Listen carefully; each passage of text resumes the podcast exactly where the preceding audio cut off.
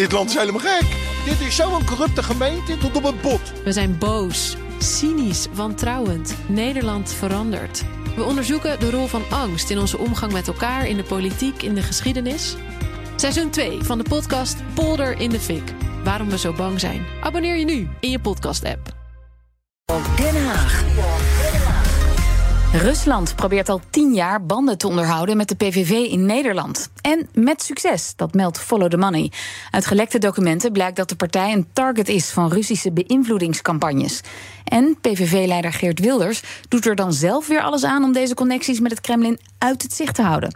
Politiek verslaggever Leonard Brinkman die vroeg om een reactie van de PVV. Partijleider Geert Wilders wilde vandaag niet bij de microfoon reageren, maar we hebben wel een schriftelijke reactie gekregen. En die is kort en bondig. Compleet bullshit artikel. De PVV heeft nul banden met het Kremlin en ook nooit gehad. Aldus partijleider Geert Wilders. Ja, dat is inderdaad heel duidelijk. We praten daarover verder met Laurens Groeneveld van Follow the Money. En historicus en Ruslandkenner Hubert Smeets. Goedemiddag allebei. Goedemiddag. Goedemiddag. Ja, Laurens, complete bullshit in de woorden van Geert Wilders. Maar uh, jij hebt andere informatie. Ik vind het al heel wat dat hij gereageerd heeft. Want ik ben hier ongeveer een jaar mee bezig geweest. En heb hem meerdere malen benaderd. En er kwam nooit een antwoord. Ook geen bullshit? Of, nee, uh, helemaal nee. niks. Dus dat is al heel wat. Um, maar ja, we hebben een aantal punten gevonden in ons verhaal, in ons onderzoek. die toch wel een ander verhaal vertellen. Allereerst blijkt dat eigenlijk sinds 2013, 2014. de PVV nadrukkelijk op de radar is in Rusland. voor uitnodigingen voor uh, verkiezingswaarnemingsmissies. Uh, en misschien wel als sprekers op te treden op bijvoorbeeld de Krim. Er zijn uitnodigingen verstuurd in 2014, waar dan niet op in is gegaan. Uh, in 2017 heeft een Europarlementariër, nu ex-Europarlementariër van de PVV, een uitnodiging gehad. En we hebben een lijst gevonden waar Wilders stond als uh, mogelijke spreker voor een forum op de Krim. Uh, dus dat is één punt. En is hij daar ook geweest? Hij is uiteindelijk niet gegaan. Nee. Uh, het tweede punt is um, André Elissen, de Europarlementariër. Um, die is op een waarnemingsmissie naar Moskou gegaan in 2017 voor de uh, lokale verkiezingen. En um, die werd betaald door Rusland. Hij zei destijds: Ik dacht, ik ga met een NGO. Mm -hmm. Maar daar blijkt toch een ander verhaal achter te zitten. Dat was een, een organisatie die eigenlijk een soort tussenfunctie uh, heeft tussen het Kremlin en nou ja, de mensen die ze benaderen. En uh, zijn reiskosten, uh, verblijf, alles werd vergoed door, Rus door Rusland. Um, en een derde punt wat daarbij komt, is dat een half jaar later Russische media verschillende schrijven dat Elissen bij een bijeenkomst was in Brussel. En die bijeenkomst ging erover over hoe je investeringen kunt lokken naar de Krim. En die was ook opgezet door hetzelfde netwerk die hem heeft uitgenodigd naar Moskou. Ja. En als laatste, wat ook nog een interessant feit is, is dat er een, uh, een e-mail is die wij in handen hebben. Waaruit blijkt dat Wilders zeker al in 2016 heel nadrukkelijk wist dat de partijen waar hij in Europa mee samenwerkt, dat die um, grote banden hebben met verschillende Russi Russische figuren, waar je eigenlijk niet mee op de foto wil. Omdat dat omstreden is en uh, nou ja, slechte PR. Ja. En hij heeft er alles aan gedaan om die, um, die connecties dan ook buiten beeld te houden, zodat hij daar zelf niet mee gelinkt zou worden. Ja, maar die, maar die bezoeken en die e-mails, die hebben jullie, die gelekte documenten. Maar op wat voor manier komt er dan ook echt invloed vanuit het Kremlin op de PVV? Nou, wat je. Uh, de, de, de, aan de Russische zijde zijn er verschillende doelen met dit soort, uh, dit soort uitnodigingen. Het gaat er niet alleen maar om om de partijen te beïnvloeden, maar het gaat er ook om om een beeld neer te kunnen zetten voor de Rus zelf. Um, er is een, een, een, diepe, diepe wrok vanuit Rusland tegenover de OVSE, hmm. de, um, die de officiële waarnemingsmissies organiseren voor verkiezingen. Um, omdat die vaak ongunstig, ongunstig uitpakten voor Rusland. En, ja, slecht om, rapportcijfer. Ja. Precies. En ook in oude voormalige Sovjetstaten vaak uh, negatief waren voor Rusland en een meer pro-Europese koers inleiden in dat soort landen. En uh, Rusland probeert dan met dit soort onofficiële waarnemingsmissies te kunnen laten zien aan hun eigen bevolking van onze verkiezingen zijn helemaal niet zo slecht zoals ze daar in het Westen zeggen. Dus je wordt dan eigenlijk als westerse politicus gebruikt in de PR-campagne van het Kremlin? Ja. En daarnaast dienen dit soort uh, waarnemingsmissies eigenlijk als een eerste stapje naar het verder ontwikkelen van banden met die politici die dus worden uitgenodigd. En dan zie je uh, andere politici uit bijvoorbeeld Duitsland en België die vaak aan dit soort missies meededen. Die komen uiteindelijk ook in het netwerk voor dat ze um, nou ja, zich publiekelijk gaan uitspreken, vaker in Russische media komen. En er is ja. zelfs een lid van het AFD die is. Dus een, positiever voor Rusland. Ja, ja. ja.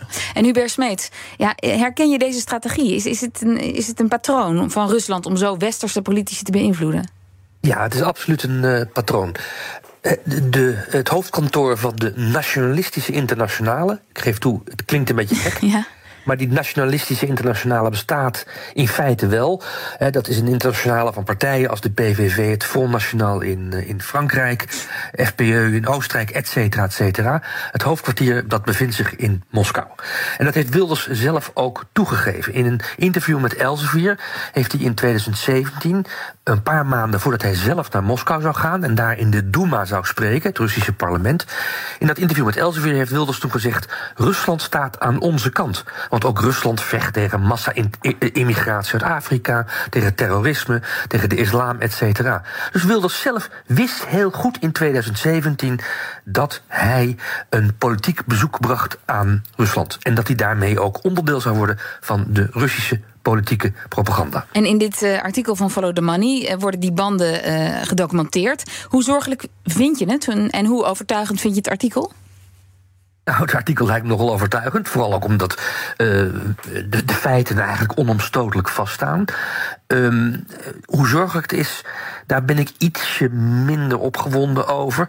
Kijk, Wilders en zijn kameraden in de PVV hebben op zijn gunstigst gezegd de ballenverstand van Rusland en Oekraïne. Dus dat die erin stinken, dat ze zich laten misbruiken. Ja, dat is voor dat type naïeve politicus die in Nederland de grote mond heeft, maar buiten Nederland eigenlijk van zijn gezond niet weet, begrijpelijk. Um, maar uh, daarom is het ook wat minder zorgelijk. Uh, feit is wel dat op langere termijn dit soort relaties, die heel erg gevoed worden via ook financiële kanalen, rijke oligarchen. dat fonds dat uh, die André Elissen naar Moskou haalde, dat is een fonds wat uh, geleid wordt en gefinancierd wordt door een oligarch die ook in Servië actief is, ook in Oost-Oekraïne actief is. Overal daar waar hij bondgenoten voor Moskou kan vinden, uh, zijn steentje bijdraagt en financiële middelen ter beschikking stelt. Dat fonds kan met deze contacten met Wilders natuurlijk wel gewoon verder werken. En als de oorlog in Oekraïne heel lang duurt, dan uh, kunnen die weer gerevitaliseerd worden, die relaties. En dan zal de positie van Wilders, die nu nog in zijn programma, het verkiezingsprogramma van de PVV, Rusland een agressief land noemt ten opzichte van Oekraïne, dan, als het geduld op is, kan het wel zo zijn dat Wilders dat soort woorden afzwakt en eigenlijk een beetje gaat draaien. van Moskou wordt. Ja. En Laurens, uh, in 2018 is Geert Wilders in Moskou geweest. Met welk doel ging hij daarheen? Nou ja, hij zei zelf: ik, ga, um, ik probeer de dialoog open te houden en een einde te maken aan de heersende Russofobie die heerst in Nederland. Um, nou ja, dat laatste is natuurlijk sowieso al een rare, rare stelling. Maar het feit was dat hij ging in een tijdsgevricht waarin je ziet dat de relatie compleet verstoord is. Uh, een paar dagen nadat hij terugkwam van die reis, werd uh, in Salisbury in Groot-Brittannië werd, uh, de dubbelspion Skripal vergiftigd met Novichok. Je ziet dat in het jaar waarin hij naar Rusland gaat, wordt onze Nederlandse ambassadrice wordt drie keer op het matje geroepen. Mm. Uh, Nederland houdt samen met Australië Rusland aansprakelijk voor het neerhalen van de MH17. En dan zegt hij: Ik ga in mijn eentje als uh, parlementariër eens even uh, dat allemaal veranderen en die relatie recht trekken. Dat is natuurlijk heel raar. En weer Wilders zei zelf na dat bezoek in, aan Moskou dat hij na de annexatie van de Krim en dus MH17 was toen ook al gebeurd, die dialoog open wil houden. Maar, maar ja, kun je, kun je bedenken dat dat toch met de beste bedoelingen is gebeurd? Ik kan niet in zijn, in zijn hoofd kijken. Uh, ik, ik sluit niet uit dat hij zichzelf enorm overschat. Wilders. En dat hij dus inderdaad de bedoeling werkelijk had om die dialoog open te houden. Maar er is ook iets anders. Hij is een parlementariër die al tientallen jaren in de Tweede Kamer zit. Dus hij weet heel goed dat wanneer hij op eigen houtje, zonder mandaat van het Openbaar Ministerie in Nederland en ook zonder verzoek van het internationale onderzoekscomité dat die crash met MH17 onderzocht in Oekraïne naar Moskou gaat om daar te pleiten voor medewerking van Rusland aan dat internationale onderzoek. Mm. Als je dat zonder zo'n mandaat doet, dan doorkruis je het werk van het Openbaar Ministerie, dan ondermijn je de positie van de Nederlandse regering. En hij moet dat weten als zeer ervaren parlementariër. En daarom vermoed ik dat hij probeerde van twee walletjes te eten. En Laurens, denk jij dat het, um, het Kremlin gelukt is om Wilders te beïnvloeden, wat zij waarschijnlijk voor ogen hadden? Um, nou, het is lastig om te zeggen, omdat hij daar natuurlijk nou ja, zelf vrij weinig antwoorden over geeft. En de PVV is echt een, een gesloten fort. Uh, het is heel moeilijk om uh, mensen te spreken binnen die partij. Ook oudleden die houden allemaal hun mond dicht.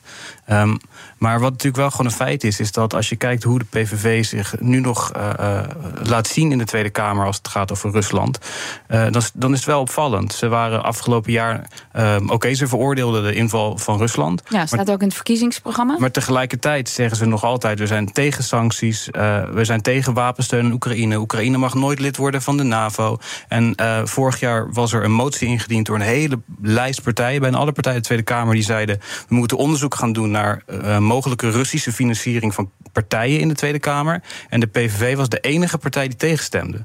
Dat zijn wel. Daar kan je natuurlijk. Ja, we weten het niet helemaal zeker, maar het is wel opvallend dat die partij zich zo laat zien in de Tweede Kamer. Hubert, zie jij dat ook? Ja, er is geen spel tussen te krijgen, wat Laurens zegt. En um, de. Um uh, partij van, van, van Geert Wilders, ja, die, die gaat hier natuurlijk niet op reageren, behalve dat kleine quoteje wat ze dan net aan onze politiek verslaggever geven. Uh, denk je, uh, Hubert, dat dat binnen de Nederlandse politiek nog een gevolg krijgt? Mm, weet ik niet. Um, Laurens zei het al, de PVV staat bekend ook in haar stemgedrag als een beetje een Poetin-vriendelijke partij. Niet zo loyaal aan Poetin als bijvoorbeeld Forum voor Democratie. Mm. Of dat clubje van Van Haga, BV Nederland. Maar het is wel een partij die neigt naar uh, Kremlin-vriendelijke uh, stellingnames. Um, dat is eigenlijk wel bekend. Um, dus ik denk niet dat het grote gevolgen zal hebben. Uh, ik denk ook dat het geen kiezers zal wegjagen, omdat de PVV toch vooral kiezers wint en werft op een heel erg binnenlands programma. Maar uh, Laurens, je had het net dus over die, die financiering van die partijen. Is dat dan de volgende stap om dat te onderzoeken? Van of dat mogelijk dan ook is gebeurd? Um, nou ja, ik ben nog niet klaar met dit onderzoek, mm -hmm. dat, dat, zeker. Um, maar ja, het, het, hangt er ook vanaf wat er misschien hier... Uh, naar aanleiding van dit verhaal weer naar boven komt. Ja, je zijn follow the money, dus follow the money, come on. ja. We gaan. Uh... iets toevoegen? Ja, zeker. Sorry. Uh, nou, kijk, dat onderzoek naar de financiering van partijen in Nederland. dat zou natuurlijk heel goed zijn als dat voortgezet zou worden.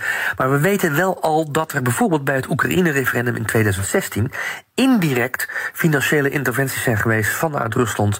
om het Nederlandse electoraat in dat referendum te beïnvloeden. Dat staat vast. Daar hoeven we geen onderzoek meer naar te doen. Ja, dat is genoteerd. Dank. Laurens Groeneveld, Follow the Money. en historicus en Ruslandkenner Hubert Smeets.